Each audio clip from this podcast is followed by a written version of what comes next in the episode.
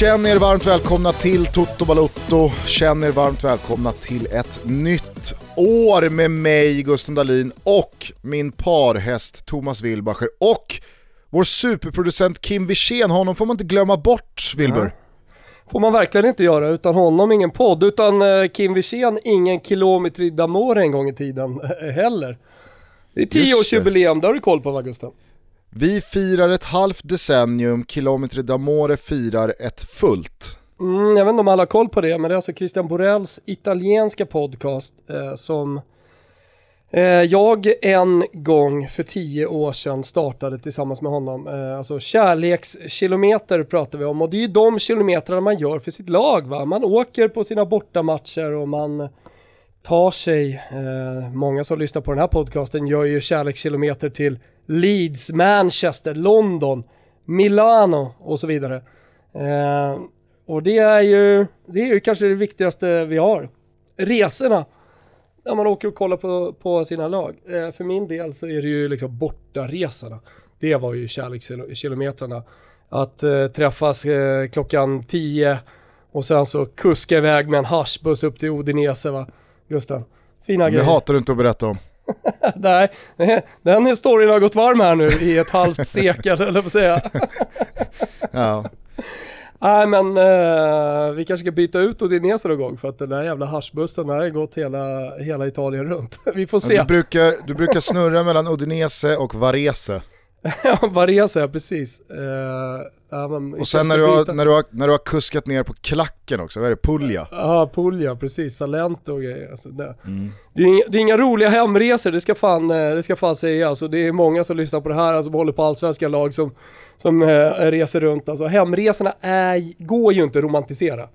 Alltså Nej. det går att romantisera ner hur mycket som helst. Minibuss, jag såg några polare här nu, Bjelke och, och Jimbo-gänget åkte ner till Kalmar för något år sedan.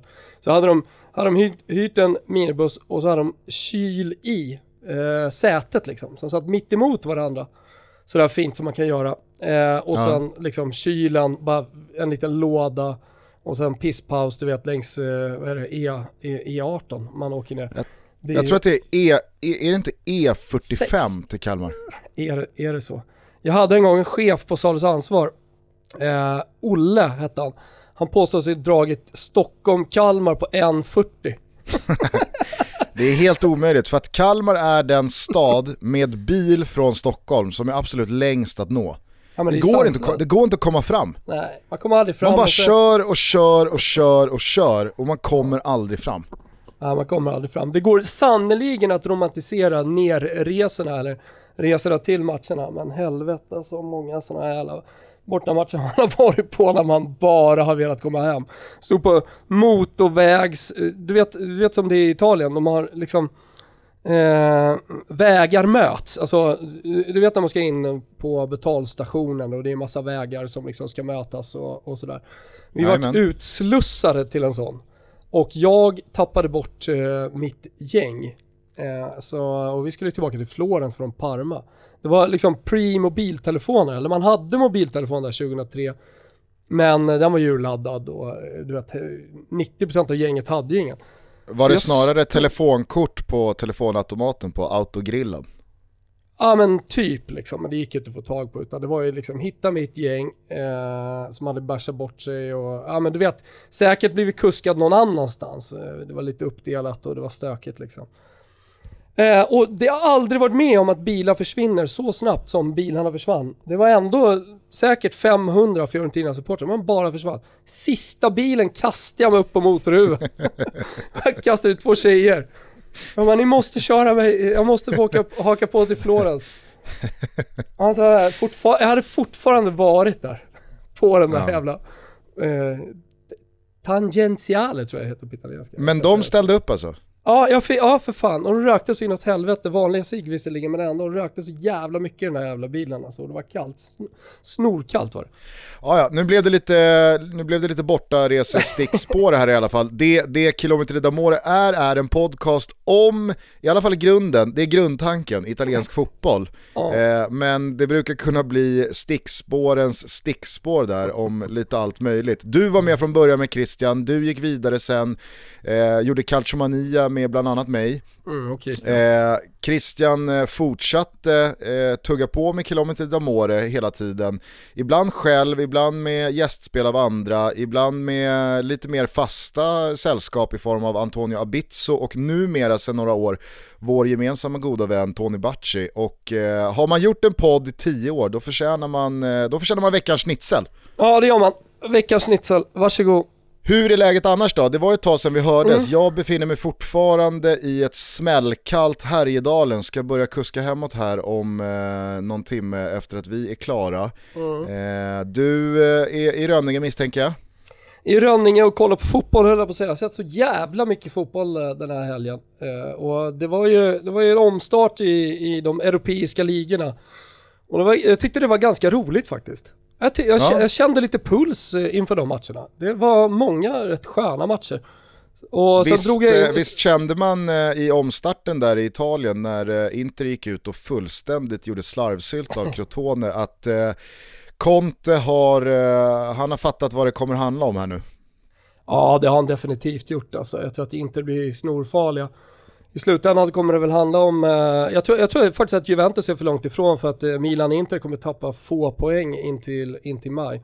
Och eh, de eh, direktmötena är för få för att Juventus ska knappa in. I, I kombination med, ska jag fan säga, att Juventus är lite för dåliga för att vara eh, sådär tunga att de bara kan ta allt motstånd. Eh, och jag tror också att de kommer tappa precis som Milan Inter kommer göra.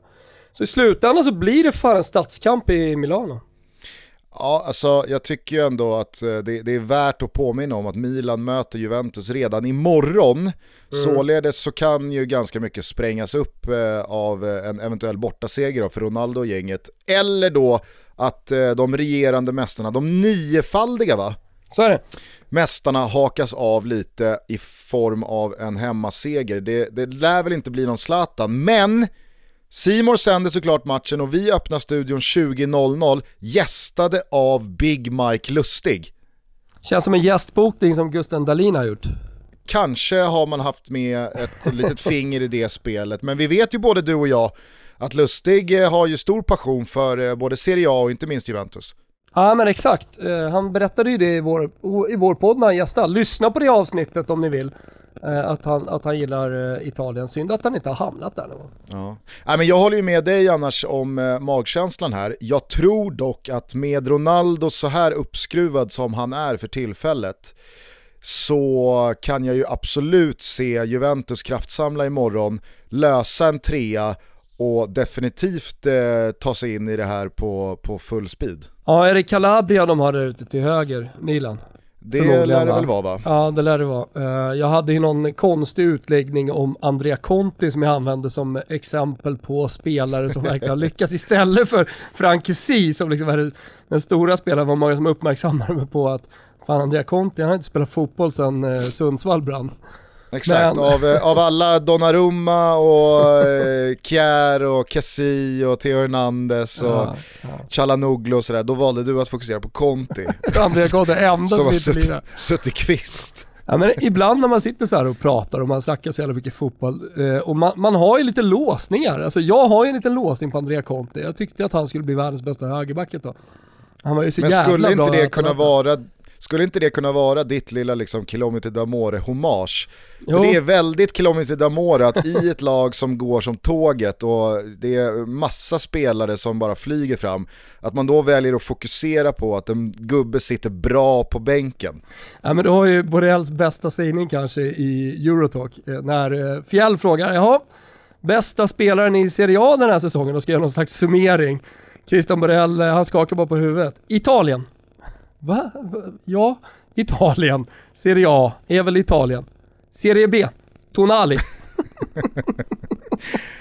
ja. Som årets, årets bästa italienska spelare. Det jo men då får, man ändå, då, får man ändå, då får man ändå utgå från att Borrell tycker att Tonali har gjort det bra väl på plan. Han gjorde det ju bra i Brescia, alltså, det, var inte, det var inte så, men han var inte, han var inte bättre än alla spelare i Serie A.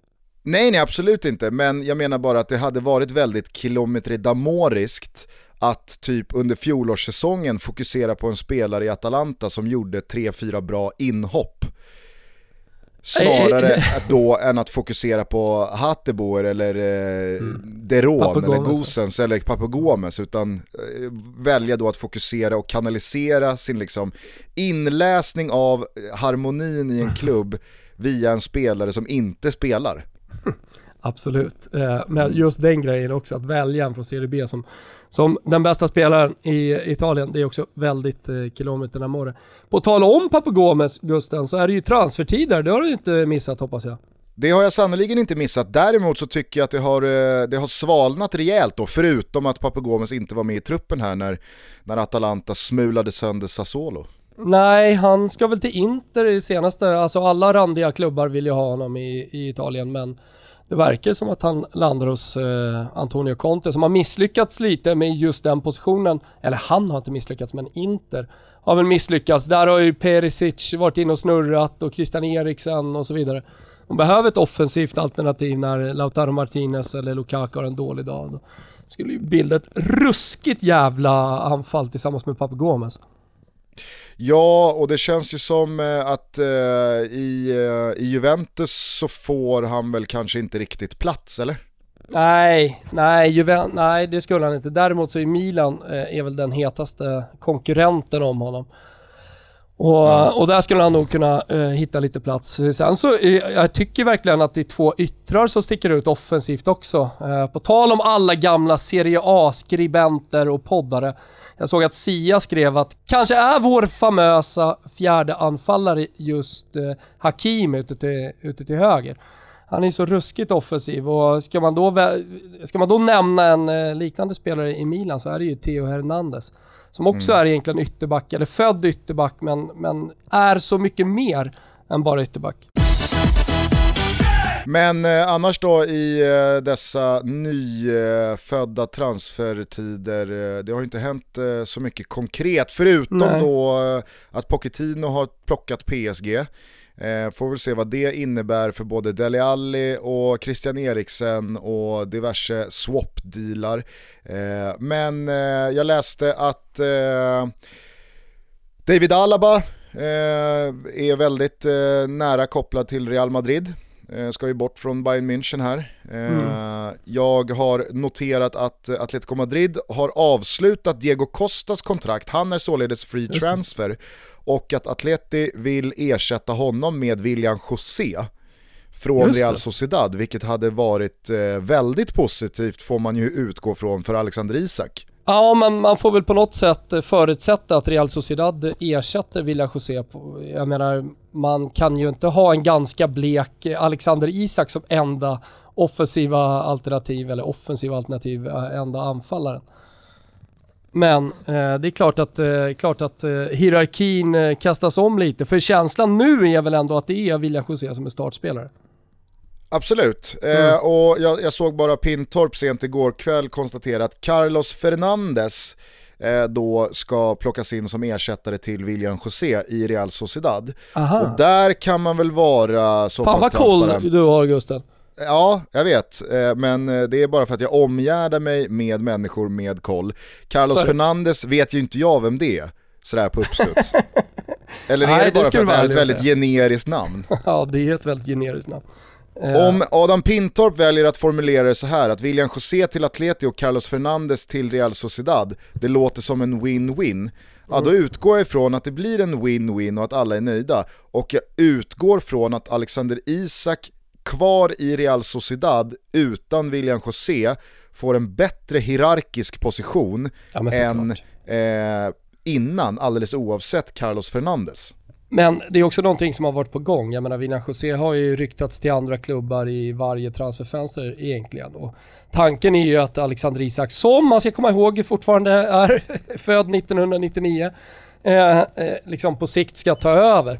Eh, och jag tror att man i Real Sociedad ser honom som en ganska långsiktig lösning innan han eh, lämnar klubben. Jag vet att vi pratade jättemycket om Real Madrid ett tag och sådär. Men, men eh, det är väl ganska klart nu att Alexander Isak ska väl ha en två, tre riktigt bra år i eh, Real Sociedad innan, innan han lämnar va? Ja, alltså just nu så känns det väl som att det är, eh, det, det, det är rimligare att eh, sikta på att bli nummer ett i Real Sociedad och spotta in 15 mål i La Liga och göra det bra i ett eventuellt Europa League-spel och etablera sig som en startman i landslaget efter EM. Mm. Eh, man, man får nog börja där. Ja, eh, men det får man snarare göra. än att sikta mot Ballon d'Or och guldskon mm. eh, innan 2023. Men jag har sagt det eh, några gånger Gusten att eh, januarifönstret eh, har ju varit svalt i ganska många år. Alltså för tio år sedan när Kilometer Amore startade, då, då hände det ganska mycket under januarifönstret. Addera då att eh, coronan eh, ställer till det för vissa klubbar. Eh, och att ja, men det inte finns speciellt många möjligheter, många trupper är satta, så, så, så tror jag också att det kommer vara en sån månad att eh, det, det, blir inte så stora nyförvärv. Nej. Ja, vi får väl se. Eh, utöver eh, de namnen vi har nämnt så är det väl väldigt mycket Wijnaldum som har eh, bett om att få pausa sina kontraktsförhandlingar eh, med Liverpool för att eventuellt lämna för Barcelona. Mm. Memphis Depay verkar inte svalna eller tystna. Jag fattar inte vad detta Barcelona i det här läget när det är en övergångsperiod både vad gäller president och snart tränare och det är liksom allmänt kaos i klubben. Varför ska man gå på en dyr Memphis Depay som inte kommer vara någon byggsten det slår du vad fast. gäller kommande två, tre, fyra åren. Det är du säker på eller? Ja, det är jag väldigt säker på. Det, mm. det känns snarare som en spelare som Ronald Koeman gillar från sin tid i landslaget. Ja, nej men exakt. Eh, alltså det, det, är såklart att det är hans val, men då måste man ställa sig frågan hur långsiktig är Ronald Koeman? Och nej, precis, det är det jag menar. Det, känslan är ju att han ska inte vara kvar efter i alla fall den nya presidenten har satt sig ner i styrelserummet och börjat arbeta. Och eh, sen har man ju såklart eh, hela Messi-förlängningen och ja, hans framtid som kommer avgöra väldigt mycket också vad man, eh, vad man gör på transferfönstret. Ja, äh, det blir ju eh, intressant att se vad som tornar upp sig eh, i form av silly season och eh, transferrykten. Det vi i alla fall kan konstatera sportsligt, eh, utöver då Serie A-omstarten, det är ju att det är en, eh, kanske inte kvalitativt speciellt härlig Premier League-period, men desto mer jämn sportsligt.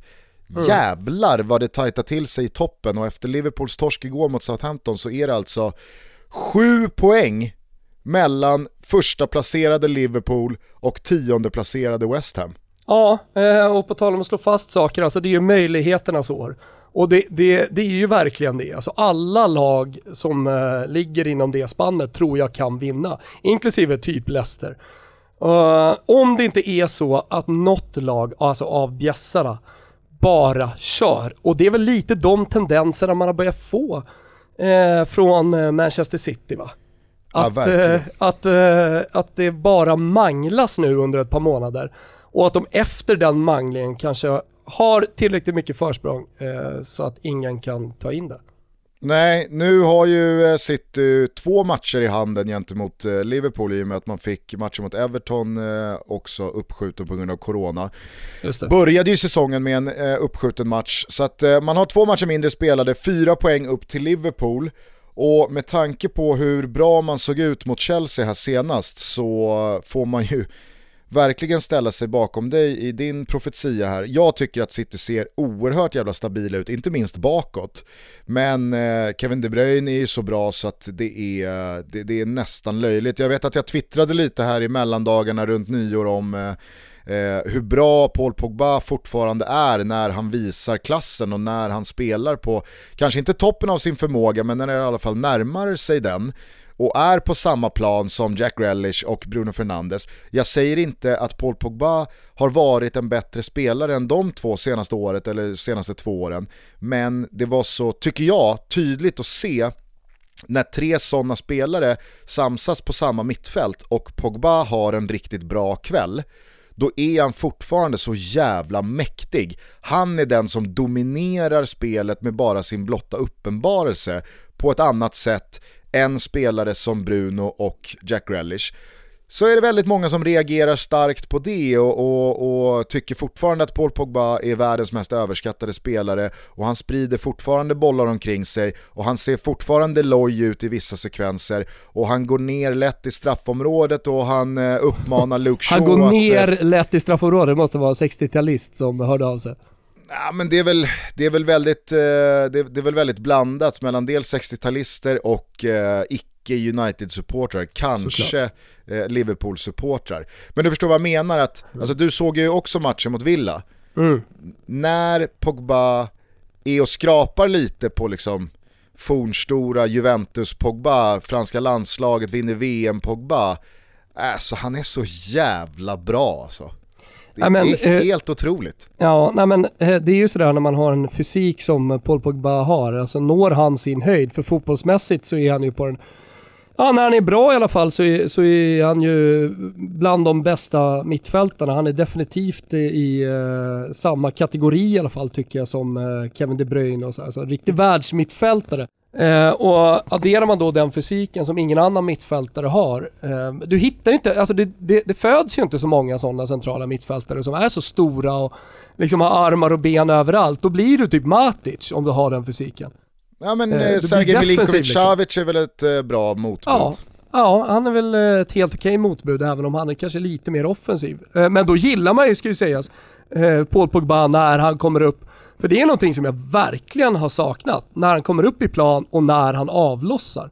Alltså är det någonting som liksom bara försvunnit så är det ju hans distansskott. Som var ett eh, ja, men fan, ruskigt jävla vapen som Juventus hade under, under tiden han spelade där.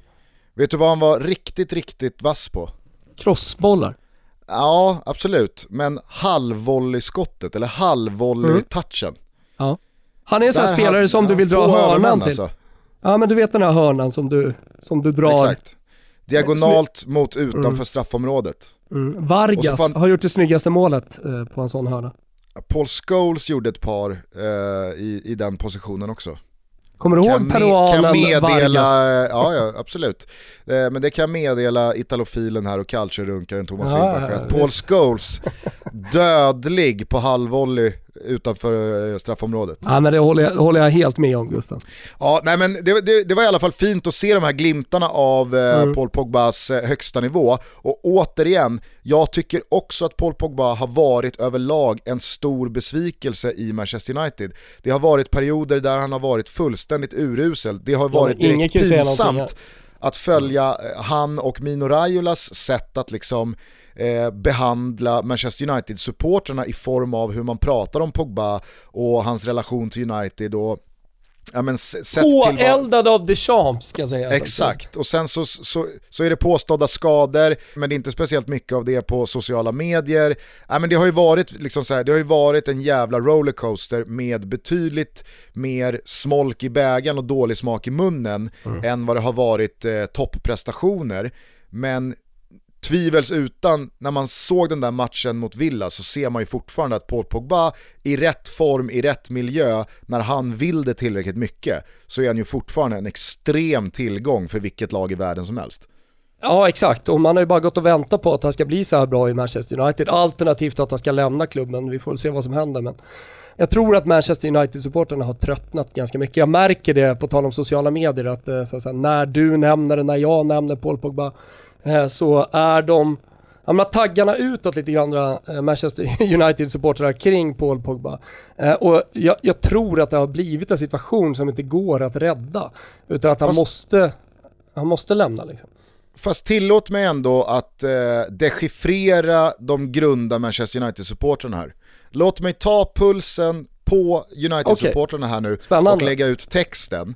För att jag, har, jag, alltså jag håller med dig om eh, presens angående Paul Pogba och Manchester United-supportrarna. Ja men det sa ju du här. Ju Men rätt. jag har också noterat det senaste året, ett och ett halvt, när Manchester United i mer eller mindre långa perioder har närmat sig eh, toppen där man fortfarande liksom ska vara och där United-supportrarna längtar tillbaka till och, och där man fortfarande liksom har en självbild som ja, men, som, som andas titelstrid och vi mm. kan inte vara nöjda med att vi ska slåss om en Champions League-plats. Vi kan inte vara nöjda med att uh, bara spela i Champions League. Vi är Manchester fucking United, vi, vi ska ta tripplar liksom.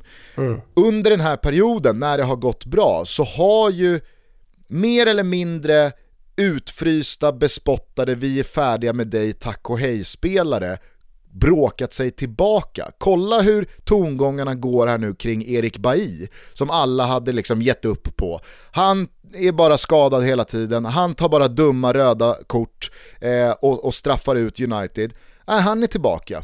Mm. Mar Martial som eh, missar massa målchanser mot PSG och kostar dem eh, liksom Champions League-avancemanget. Mm ja, men där ställer sig folk ändå bakom honom nu och känner att det, det kan gå. Eh, David de Gea, också liksom, det är dags att släppa honom nu. Men så kommer ett par bra insatser, Dean Henderson får chansen borta mot Sheffield United, trasslar till det för sig efter bara någon minut och sen så börjar man tänka, ja men fan de Gea ändå. Ja men hur gammal är liksom... de Gea? Alltså snart, snart kan man inte sälja honom eller på att säga, målvakter de lever ju ganska länge. Men eh, det, det, alltså, någonstans så blir ju ett kontrakt, en kontraktsförlängning, jag vet inte hur långt eh, kontrakt han har de Gea, men tror, alltså, mer, mer aktuellt. De, de förlängde ju med honom eh, bara för ett år sedan. Mm. Eh, om jag inte minns fel så förlängde de typ fem år. Ja, och, och grejen är så här, ja men då ska någon betala de pengarna. Ja, det finns inte så jävla många lag som ska betala så mycket som Manchester United gör i lön till honom. Och sen nej, så ska de dessutom ha pengar, ja men då är vi nere på tre klubbar kanske som kan värva de Gea. Jag tror faktiskt att de Gea är bäst betald i Manchester United. Ja. Eh, han, har någon, han, har, ja, han har någon sanslös veckopeng efter den här senaste kontraktsförlängningen.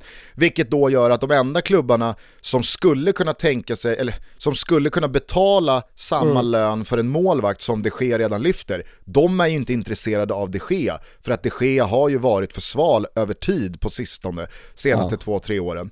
Eh, så att eh, jag, jag tar det som för givet att United blir fast med de Gea i ganska många år till. Eh, hur som helst, de Gea, Luke Shaw, Maguire, Fred. Eh, alltså du kan göra den här listan av spelare som har varit starkt ifrågasatta av United-supporterna och som man har liksom ledsnat på, men som har tagit sig tillbaka och tagits till nåder. Eh, och där kan jag absolut se Pogba hamna också, för att om han nu får spela match efter match mer konsekvent, hitta den eh, telepatin och liksom, eh, den nivån som finns mellan honom och Bruno Fernandes. Och kan det börja omsättas till lite mål igen framåt från Rashford, Martial, kan Greenwood komma tillbaka till sommarens form och så vidare? Ja, men då är jag helt övertygad om att United-supporterna kommer svänga i stor utsträckning också kring Pogba. För så bra är han och så mycket mm. gör det. Det vet ju du inte minst, det pratar ju du alltid om. Tre segrar, då, då, då, då, är det bra, då är det styva segel igen. Ja men det, fotboll är ju så jävla enkelt. Alltså vinn vin några matcher, då är hatet borta. Och ja. jag menar, skulle Paul Pogba då eh, dessutom göra, eh, göra det bra över tid och få vara skadefri, och vara med och slåss om en titel kanske till och med i slutändan. Då, då är det klart att eh, United-supporterna är, precis som alla andra supportrar Gusten, jävligt... Jag säger eh, så här, alltså, om, om Pogba är bra imorgon när United slår ut Manchester City i ligacup-semifinalen och sen är bra i ett United som tar poäng eller kanske rent av vinner borta mot Liverpool knappt två veckor senare. Då skulle nu går jag händelserna vilja, i förväg. Absolut, men jag tror att det, vi, vi, prat, vi, pratar, vi, pratar två, vi pratar två sådana insatser så har pendeln svängt och okay. den breda massan på sociala medier sitter ner i Pogba-båten igen. Då har de glömt bort eh, Raiola-soppan och ja. Deschamps och skador ja, ja. och mystiska jo, men... jävla ja, eh, historier kring honom och vad han ska och så vidare. Ja, så är det. Så är mm. det. Eh, men bara kort tillbaka till Manchester City för att knyta ihop säcken, eh, bara i din profetia här. Eh, det är ju faktiskt anmärkningsvärt, eh, dels tabelläget som blivit, för man tycker att City har gjort en direkt svag höst. Mm. Eh, och det har de ju i väldigt många utsträckningar. Eh, de har ju tagit ganska få poäng för att vara Manchester City, mm. de har ju gjort extremt lite mål för att vara Manchester City. Alltså, nu, nu, nu gör man tre mot Chelsea och står för säsongens absolut bästa insats hittills. Men på 15 matcher har man bara gjort 24 mål. Men det är ju de andra lagen och vad de har sysslat med här under slutet av november, december som har bjudit in City igen. Nu har man serieledningen som sagt i egna händer och ett spelschema framgent här eh, som alltså är Ja, Manchester United här nu då, i ligacup-semifinalen imorgon. Sen så mm. har man en enkel uppgift i FA-cupens eh, tredje omgång när man kliver in då hemma mot Birmingham. Sen är det tre raka hemmamatcher i Premier League, Brighton, Palace, Villa, innan man åker och möter West Brom på bortaplan, innan Sheffield United kommer på besök till Etihad, innan man möter Burnley. Alltså, mm. Jag ser inte hur City inte lämnar de här sex matcherna med 18 poäng. Det gör jag faktiskt inte. Hur mycket kommer han ikapp de andra lagen eh, med de här matcherna? Det är så jävla jobbigt att ha haltande tabeller. Nej, de kommer ikapp en match. Okej. Okay. Mm. Eh, det kanske, räcker, då, det kanske är så att man leder ligan eh, med en match mindre spelad? Ja, det tror jag att man kommer göra. För mm. att man sen då den 6 februari möta Liverpool på Anfield och det kan ju absolut vara en sån här omvänd match som Liverpool har Lite spelat final. de senaste två säsongerna. Mm. Eh, att nu har man chansen att sticka kniven i sin värsta eh, konkurrent. Mm. Eh, och jag ser det absolut inte som omöjligt. Jag vet att det här är en säsong där man inte ska hålla på och liksom slå fast att nu kommer det gå si och nu kommer kommande månad se ut så. För det, det har man inte haft mycket för hittills. Eh, men eh, så som City ser ut nu, man får tillbaka Agüero Kevin De Bruyne har prickat toppformen. Jag tycker att man ser riktigt jävla stabila ut bakåt med John Stones och Diaz, bakom Gündogan och Rodri. Alltså, nej, nu, eh, nu ja, men... går City-tåget. Ja, City-tåget ska då gå nu, men bara det är en sak i den här Liverpool-matcherna. Alltså, Pep Guardiola har gjort några fighter mot Liverpool där han verkligen har dominerat och där han har förtjänat så mycket mer. Men där eh, Klopp har liksom tagit eh, poängen. Jag vet att eh, jag hade någon liten minifight med Neves, alltså trav-Neves, kring en match för, vad kan det vara, två år sedan, där Liverpool vann och jag ställde mig lite liksom i Klopp-båten och menade på att han ja, men som jag ofta gör, liksom, eh, hyllar den cyniska fotbollen och tyckte att eh, ja, men Klopp hade utvecklat just den, den, den cyniska fotbollen och förmågan att kunna lida till sig segrar. Men eh, lite så här i retrospekt så kan man ju faktiskt, måste, eller man måste ju säga att eh, City har fått ganska svag utdelning på eh, ganska bra prestationer. Absolut, sen så är väl Citys stora problem och har så varit ganska länge att man har ju lagt för mycket pengar på för dåliga garantispelare vad gäller mål. Ja, alltså Gabriel, jo, Jesus, på Mares och... Gabriel Jesus och Mares och Sterling, det är ju spelare som, de garanterar inte 25 mål per säsong. Nej, de den, gör en, inte den det. enda som garanterar 25-30 mål på en säsong är Kun Agüero, som mm. är så pass gammal och så pass skadebenägen att det kan ju vem som helst säga och har kunnat så senaste 2-3 åren att ja, men Kun Agüero kommer nog inte spela 90% av matcherna. Det har Nej. inte han fysik till. Istället har ju City fyllt på mittfält och man har lagt massa pengar på massa försvarsspelare som har gjort det halvdant. Jag menar ta bara en sån som Nathan Ake som de lägger en halv miljard på i somras. Just Varför då? Ja. Varför lägger man inte en halv miljard på en spelare som, ja nu, nu har jag inget eh, konkret exempel så här på uppstuds, men du fattar vad jag menar. Alltså ta mm. någon som kan göra eh, 10 mål på 20 matcher ja. som, kan, som kan hoppa in och vara ställföreträdare när Agüero är skadad och inte hålla på och liksom sumpa 10 poäng på 10 omgångar för att man har pjäxorna på. Alltså jag tror att City skulle ha mått bra av att värva ja, men en tredje anfallare i och med att uh, Agüero är så skadedrabbad och i så fall då titta på lite billigare lösningar. Alltså ta Olivier Giroud-typen. Alltså en sån spelare, det behöver inte vara världens största namn, men en, en bra forward som liksom sätter dit bollarna in i boxen. Det tror jag hade varit någonting för, för City här nu i, i januari. Det behöver mm. inte vara liksom, det behöver inte alltid vara de största namnen, även om de här klubbarna är galaktiska och så jävla bra och hela tiden liksom ska gå på dem. De största namnen. Ibland kan lösningen vara en lite mer medioker spelare faktiskt. Ja, absolut. Nej, men som sagt, det finns ju vissa spelare i den där City-offensiven som är fantastiska fotbollsspelare som är otroligt bra, men som jag nu känner mig trygg i kunna konstatera är spelare som bara kommer kunna ha vissa perioder av en topp där det rasar in mål, men sen så kommer de spelarna alltid gå tillbaka till att eh, skjuta, skj, skjuta med, med blött krut ett tag. För det är inga målmaskiner. Kolla Sterling, eller Bernardo Silva, eller eh, Gabriel Jesus som sagt. Det är ju spelare som, alltså, de, de, de, de hamnar i svackor och i de svackorna så, så går de fan helt tomma.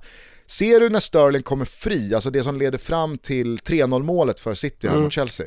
Exakt. Eh, han är fri från halva plan, han har väl Kanté i ryggen och det är en lucka på 2-3 meter. Visst, Sterling ska driva bollen, men man vet att Sterling är så pass snabb att han kommer hålla det här avståndet ändå. Mm. Alltså, med 40 meter kvar så känner jag, han kommer inte ens, kom, han kommer inte ens komma till avslut. Nej, nej. Han är alltså helt fri, rakt Mm. mot mål och han lyckas inte ens komma till ett avslut. nej. Det, det ska inte gå. I sann kilometri d'amore-anda och det får väl eh, lyssnarna liksom bara köpa. Så bollar jag upp att Chicho Caputo hade varit ett perfekt nyförvärv för, för Manchester City. Alltså det är exakt den typen som man ska värva. Ja. Kanske Ja. för stor kulturkrock, jag har ingen aning, men eh, jag tror att, eh, jag tror att du fattar vad jag menar Gustav. Ja, ja, ja visst, jag, jag, jag, jag fattar vad du menar. Nu förlängde han ju visserligen eh, typ lifetime med, med Sassuolo, men, men eh, jag tror nog att han hade i alla fall kikat lite på ett kontraktsförslag från Manchester City. Ja. Eh, kort bara, vad, vad säger du om eh, Klopps eh, snack igår efter eh, Southampton-matchen? Um, we cannot change it. I heard now that uh, Man United had more penalties in two years since Ola is there than I had in five and a half years. I have no idea if it's my fault or I don't know um, how that can happen. But that's no excuse for um, the performance. Ja, nej men det, det är lite smärtsamt faktiskt att se. Jag vet inte varför, om han är frustrerad, om det har varit mycket matcher. Eh, jag, jag vet inte, men han, han är ju lite, framstår ju som en ganska dålig förlorare här. Vi kan väl alla konstatera att eh, det, det var en högst tveksam hands eh, igår på om det Jo, är. Bednarek eller om det är Stevens eller vem det nu är som täcker det där skottet. Och att det mycket väl hade kunnat bli straff. Å andra sidan så finns det VAR, de bedömde att det inte var straff och det har dessutom fallit en hel del situationer åt Liverpools favör. Jag kan bara liksom top of my mind komma på någon ganska mjuk straff man fick mot Leicester i någon match förra säsongen.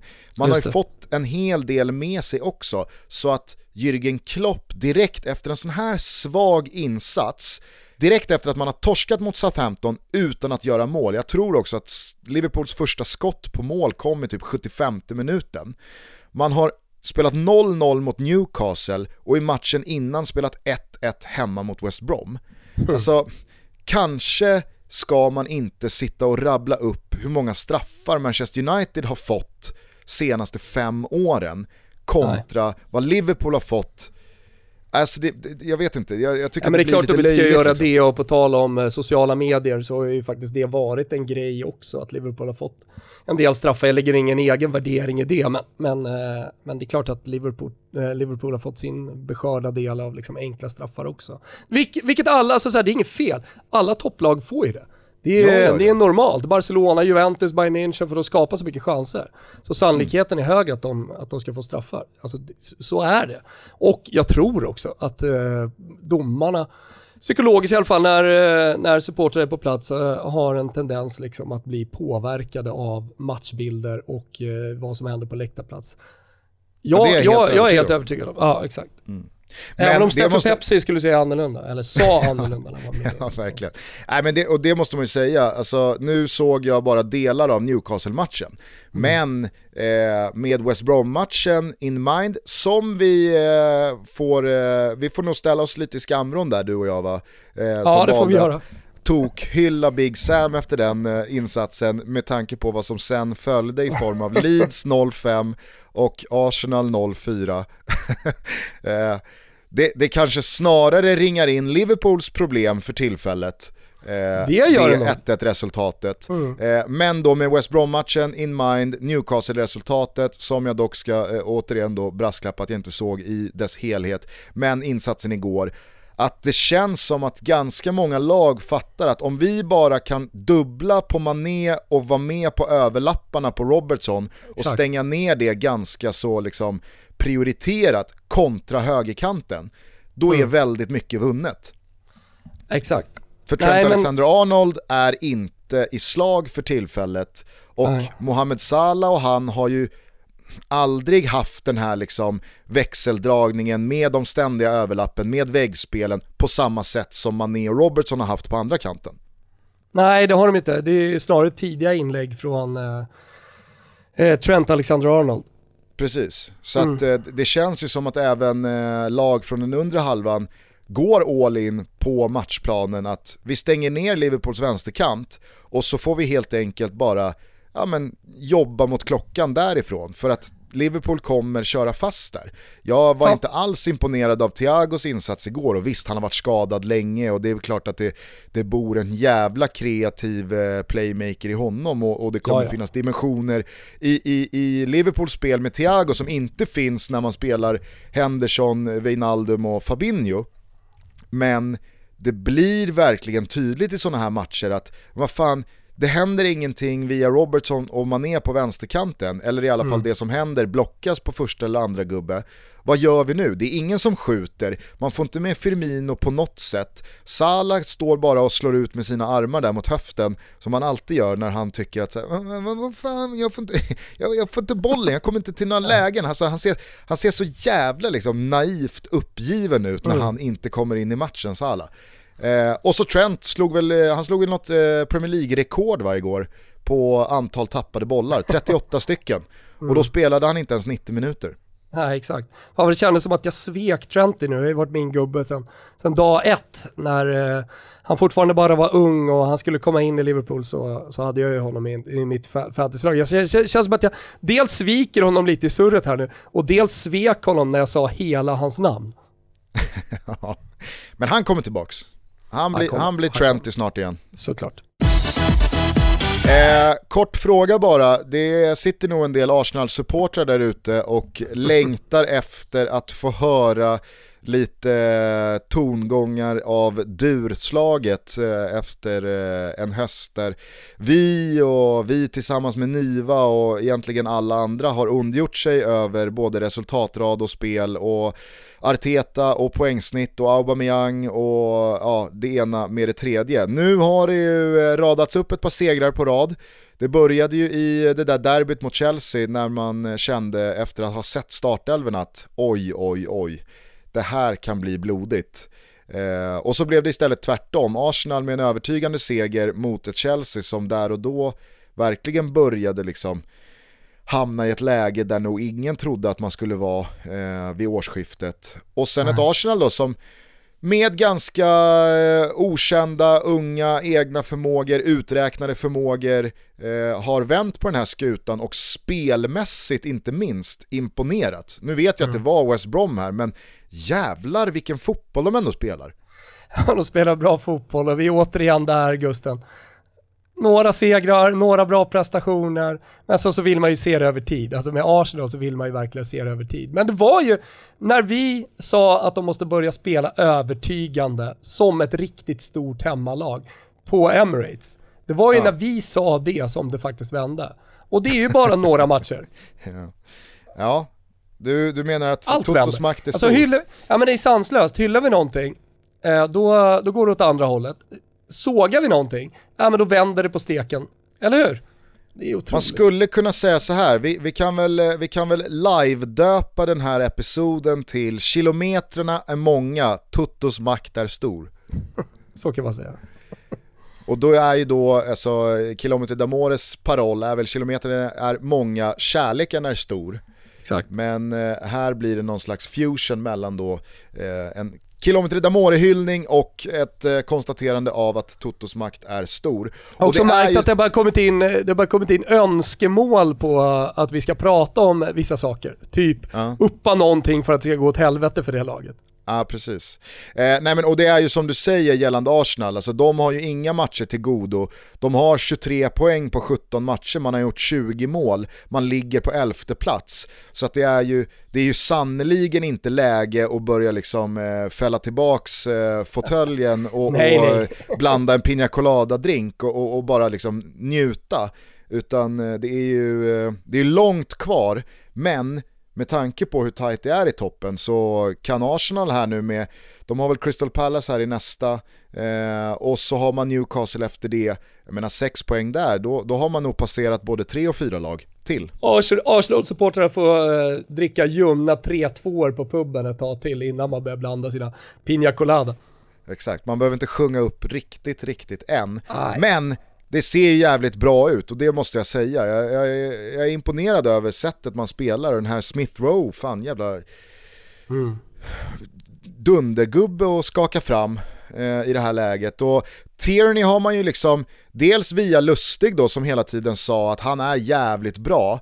Man, ser, ju, man, man ser ju alltid Celtic bara i eh, Champions League och eller när man kvalar mot ett svenskt lag som man gör typ varje augusti.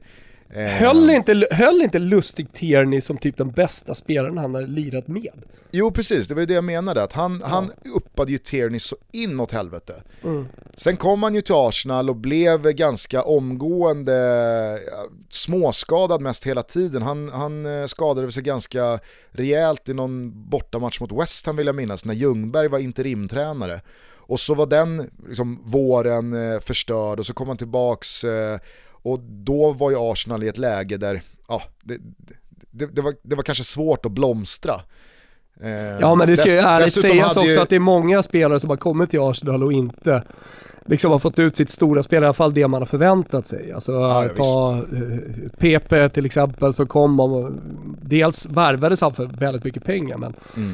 eh, alla, alla baguette-runkare som hade sett honom i franska ligan menade ju på att det var liksom eh, the next big thing såklart och han skulle bara göra kaos med Premier League.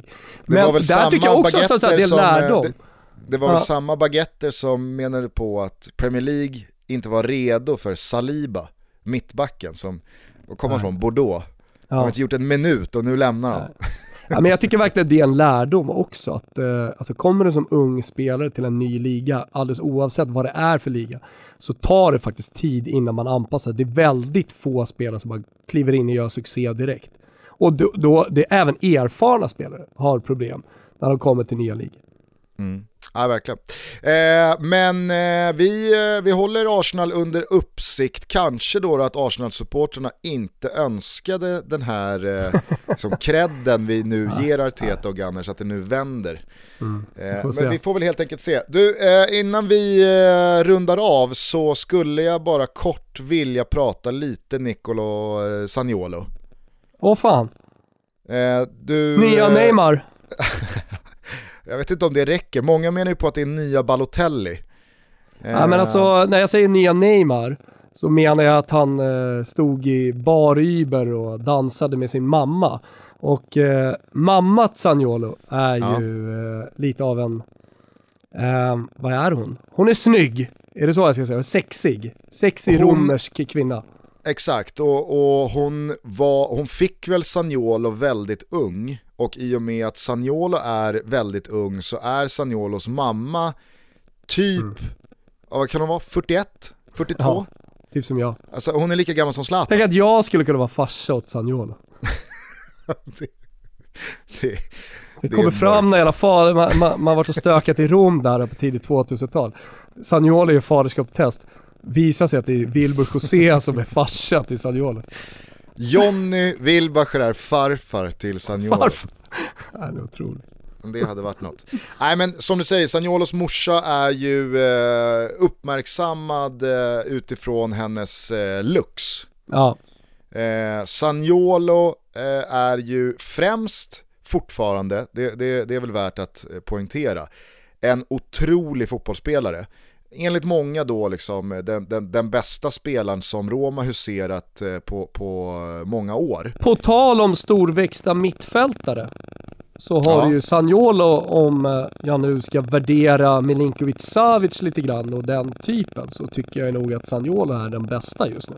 Ja, men då tycker jag nog ändå att det är, det är på sin plats att ändå göra skillnad på Milinkovic Savic och Saniolo i size. Alltså, det diffar nog ändå en 6-7 centimeter där. Säger du 6, verkligen det?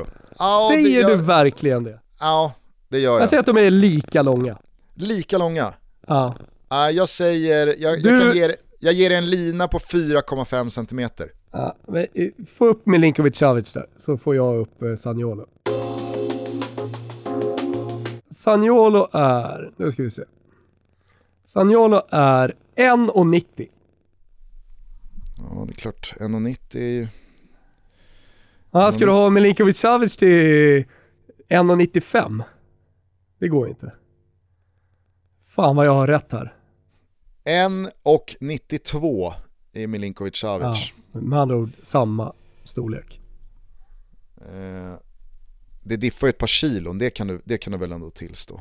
Jo, men eh, det, är, det är en valp, Sagnolo. Det är bara en tidsfråga innan det inte diffar några kilon. Hur som helst, eh, medan du håller på och kollar vikt på Milinkovic Savic och, och Sadiolo, för du vill så gärna ha rätt här. Gnugga de där två centimeterna som ett rätt. Ja, ja men exakt.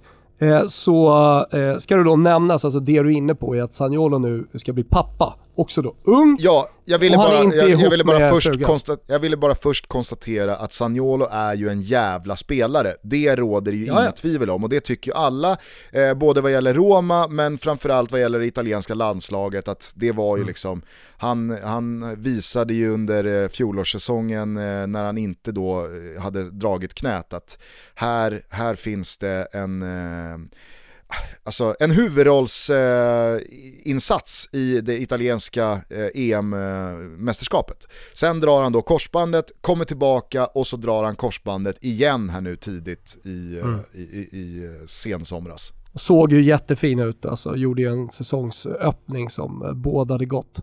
Mm. Eh, men sen då, då, så är det som du säger, han eh, har då brutit upp med sin unga flickvän som är gravid och som ska föda barnet. Han går ut och menar att jag är inte redo att bli pappa.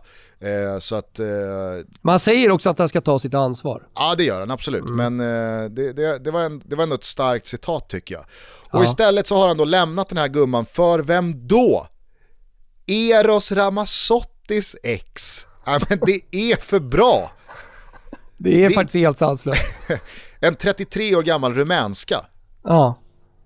En rumänsk modell. Ja. Mm. Ja. det har så jävla mycket att det är Eros Ramazzottis ex. Ja, och sen så eh, dansar han passionerat eh, med sin mamma i, ja, halvnaken helt enkelt. Och då får man ju liksom bilder framför sig att eh, de ska ha någonting för sig, alla Neymar. Det, var väl dessutom så att han dansade på det knät som är korsbandsskadat. Alltså det läckte ut. Ah, okay. Att han, han, verkar liksom, han verkar inte vara jätteförsiktig med sitt knä. Ja, men det lilla problemet här är ju att eh, Italien är ultrakonservativt, fortfarande katolskt land. Så att det, det, det, det är smärtsamt för många italienare när man får utom äktenskapliga barn. Hur sjukt mm. den eh, kan låta så, så är det så. Men eh, nu har ju många då redan börjat liksom göra plats för Sagnolo i Monza bredvid Balotelli och eh, Kevin Prince Boateng. Ja. Vad, vad tror du om det? Ja, det hade ju varit, eh, alltså sätt Mauri Cardi där också så har du en jävla såpopera med Galliani och Silvio Berlusconi. Herregud alltså. Och så, och så kliver Eros in och tar Wanda. Eh, Eros kliver in och tar Wanda och sen så ska du ha Sagnolos morsa på något hörn där. Kanske ta Silvio i eller, ett stort bunga-bunga-party. Eller så hittar Icardi Sagnolos morsa. Icardi hittar Sagnolos morsa och Wanda, nej men Wanda blir ihop med Galliani. Det är ju så det är. Hon har ju, hon, hon har ju en vem fan var det som på 90-talet var tillsammans med någon typ 83-åring, alltså mellan 80 och döden gubbe. Blev det var känd. väl Anna Nicole Smith? Så var det, Anna Nicole Smith ja. Hon, hon, hon har ju en lite Anna Nicole Smith-aura, Wanda. Kanske. Gör allt för pengar.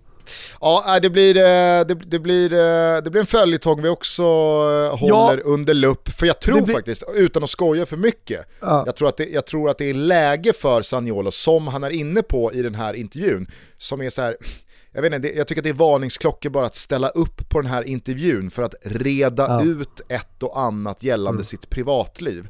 Alltså, mm. okej okay, nu har han gjort det, nu får han utgå från det.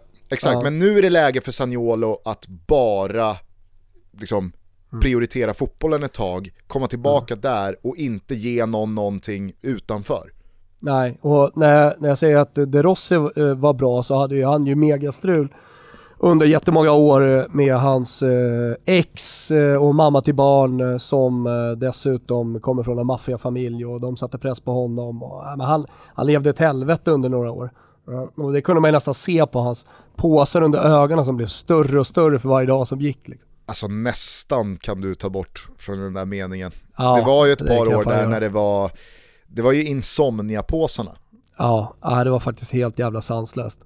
Och, nej men eh, han är tufft, men han, snack, det jag skulle säga, han snackade ju aldrig om det. Utan eh, han, han, lyckades alltid hålla liksom, eh, ja, med fotbollen och, åt sidan och sådär. Kanske ska Sagnolo. Och hans morsa ska jag säga, för hon, eh, hon hatar inte att snacka om den här situationen. Nej, det gör hon Det är bara, bara massa golddiggers enligt henne som, som är på hennes son. Men fa, vad fan, han, han, har väl, han har väl sitt jävla ansvar. Man blir ja. förbannad. Hörni, veckans gulasch den går till uh, Göteborg. Göteborg? den går till Göteborgs eh, FC, heter de va? De har väl tagit bort Kopparberg. Uh, Kanske inte får heta det. Kan de ha lagt sig till med Landvetter eller är jag snett Nej, på det då? Nej, jag tror det är snett på det. Skitsamma, Göteborgs FC, det är säkert många som inte har missat den här soppan. Den briserade ju strax innan nyår att eh, de svenska mästarna på damsidan helt hux flux alltså bara lägger ner verksamheten. Eh, det här lägger ner verksamheten? Ja men det var ju verkligen så, de ja, la ner verksamheten. Vi lägger ner verksamheten vi, vi lägger ner liksom, sa eh, styrelsen.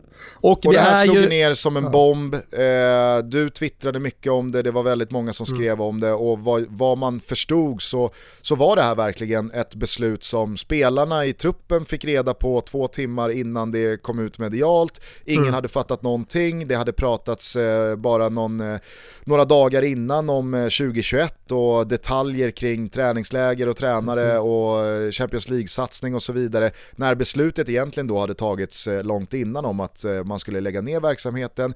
Jag förstod det som att det här var en konsekvens av att IFK Göteborg likt många andra etablerade föreningar på här sidan har startat upp damsektioner mm. och att det inte finns då eh, liksom motiv eh, för att eh, driva vidare sin egen förening parallellt och att det bara är en tidsfråga innan man checkas upp och så vidare. Och sen så bara pang någon dag, två dygn senare ja, då är det en kovändning från alla inblandade och nu ska man tydligen köra på och det är det senaste jag har förstått. Oavsett hur det blir så är, handlar ju gulaschen om hur fan vissa personer väljer att ja, men, dra ett löjesskimmer över damfotbollen. Att det här ens är liksom en, en, en del av verkligheten, att det här ens kan ske. Mm, nej men alltså kolla på Dalkurd. Jag såg att någon uppmärksammade här att deras hemsida inte fanns längre. Om de har missat att betala Lopia eller eh, vad, vad, det handlar om har jag ingen aning om. Men alltså det var ju bara några år sedan eh, som eh, de skulle till Champions League och det var en jävla satsning och allting. Och sen så har du AFC Eskilstuna som på många sätt liknar Göteborg. Alltså en sluten eh, styrelse. Eh, de måste ansöka om eh, medlemskap. Eh, så, så på, det, på det sättet så eh, är det långt ifrån, alltså man, man, har, man har eh, kringgått 51%-regeln. Det är det man pysslar med egentligen i de här klubbarna och det är det som är likheten. Eh, men eh, ja, vändningen nu, alltså vad som kommer hända med Göteborg har jag ingen aning om, men jag tror att jag tror fan att ägaren, de får kalla honom för Mr Presidente, inte, inte trodde, ja, inte trodde att det skulle liksom bli eh, en grej av det här. I alla fall inte så stor som det blev att han helt enkelt fick eh, göra en pudel. Eh, för vad jag läste också så går ciderförsäljningen dåligt för att man har England bland annat som eh, stort exportland och med coronan och med Brexit och alltihopa så har eh, exporten, vad jag förstått i alla fall, eh, gått ner lite. Och att man då försöker liksom spara så mycket man bara kan. Eh, och att eh, Göteborgsprojektet då skulle vara eh, ett, ett sånt exempel. Han måste ha Men... missat den lilla detaljen att hans klubb alltså vann SM-guld. Ja, och, och att damfotbollen faktiskt får ganska stort medialt utrymme numera. Jag tror, jag tror inte att han var beredd på det här, men det, men det, är, det är en supergolas vi inleder året med Gustav. Eh, måste dock bara säga att eh, fan vad det tillför någonting till svensk fotboll att eh, han är en så kallad siderkung.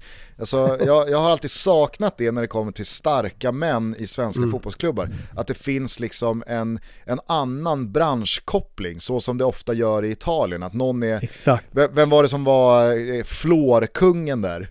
Ja men det var ju Calgaris eh, president. Just det.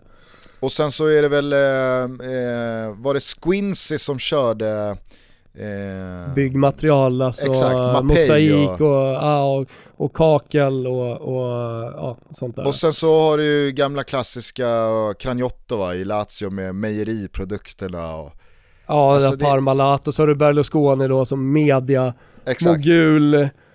Eh, det, här är ändå någonting. Alltså, så här... alltså alla presidenter egentligen i Italien, alltså det är så många, många, många self-made män va, som eh, antingen har tagit över ett företag eller varit med och startat företaget själv. Men, men alla kan egentligen kopplas till en succé eh, på, i näringslivet. Alltså Diego Della Valle har du eh, Skokungen och eh, Massimo Moratti och olja då. då. Gjort, sig, ja. gjort sig rik via affärer med Libyen.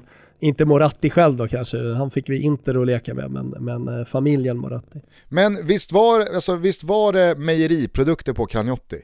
Va, Cragnotti? Eh, ja, ja, men han var ju, han, han var ju flera branscher, var det inte det? Alltså, så han, han är undantaget mjöl, som bekräftar Mjölk och yoghurt och sådär. Ja, det är möjligt. Alltså jag tänker, mejeriprodukter tänker jag direkt på, på Parmalat och, och Parma, Tansi-familjen. Ja. Nej, man får helt enkelt brush up på sin eh, Sergio Cragnotti här i inledningen av 2021. Det är aldrig fel att göra.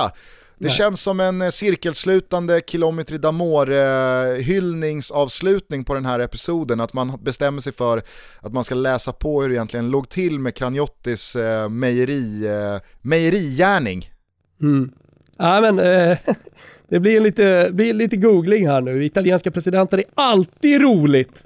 Så är det. Eh, hörni, eh, påminner igen då om eh, morgondagens kanonmatch på Simor Milan-Juventus. Vi hoppas att Zlatan kanske på något sätt kan trolla sig in i truppen.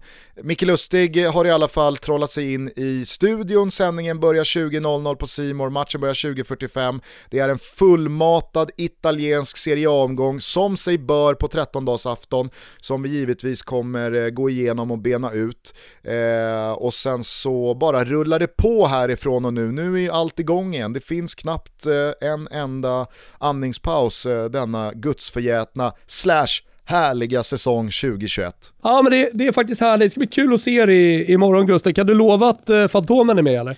Eh, det, man kan väl aldrig lova någonting när det gäller Fantomen. eh, han, är, eh, han är så pass mäktig att han är eh, ensam eh, chef över sitt eget öde. Ja men härligt, alltså man hade gärna sett eh, Micke Lustig och Fantomen i någon slags symbios.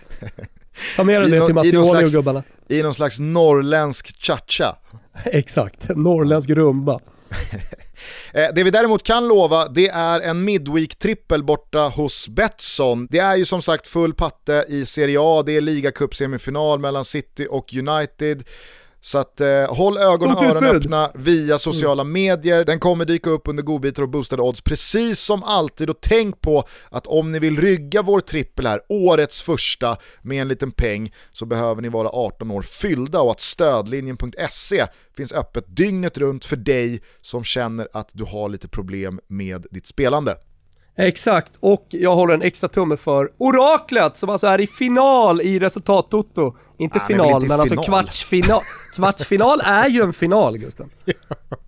Men, det är ju slutspelsträd. Du ska hämta hem den där sägningen alltså i, ja. i, i sommar när det är Definitivt. kvartsfinaler i EM. Sverige är i final! Nej, de är i han är i finalspel. Thomas. Han är i finalspel. Okej, okay. ja, ja, det är han sannoliken. Och det är klart att det skaver. Nej, jag vet inte om det skaver Gusten. Jag håller Jo. alltid en tumme på oraklet. Jag eh, hejar på dig som möter oraklet. Betsson har ju utfärdat en så kallad Bounty på Ja. den som slår ut oraklet. Ja, det, det, fint. vore är någonting. Ja. Eh, hörni, eh, vi hörs snart igen. Som sagt, eh, puss och kram, tack för att ni är med oss. Eh, du får väl helt enkelt gräva här nu i minnesbanken Thomas. Vad är en Kilometri Damori 10 års födelsedag värdig avslutslåt? Exakt. Eh, Jag har ju lite tid på mig innan Kim eh, Wirsén släpper avsnittet så det får bli en överraskning.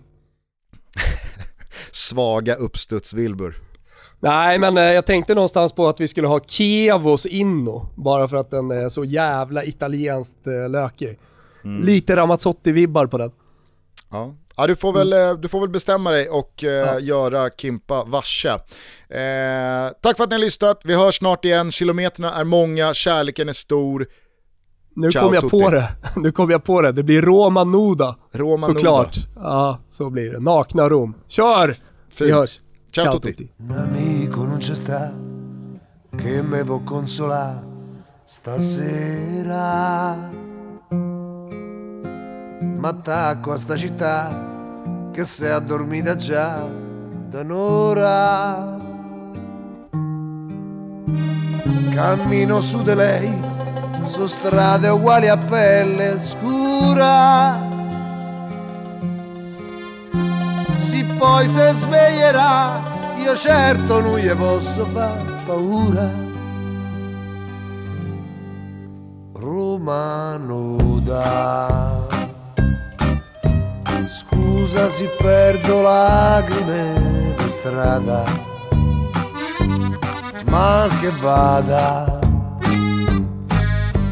fa finta che so gocce di rugiada piuttosto che sta solo dentro al letto. Vado randaggio in qualche vicoletto.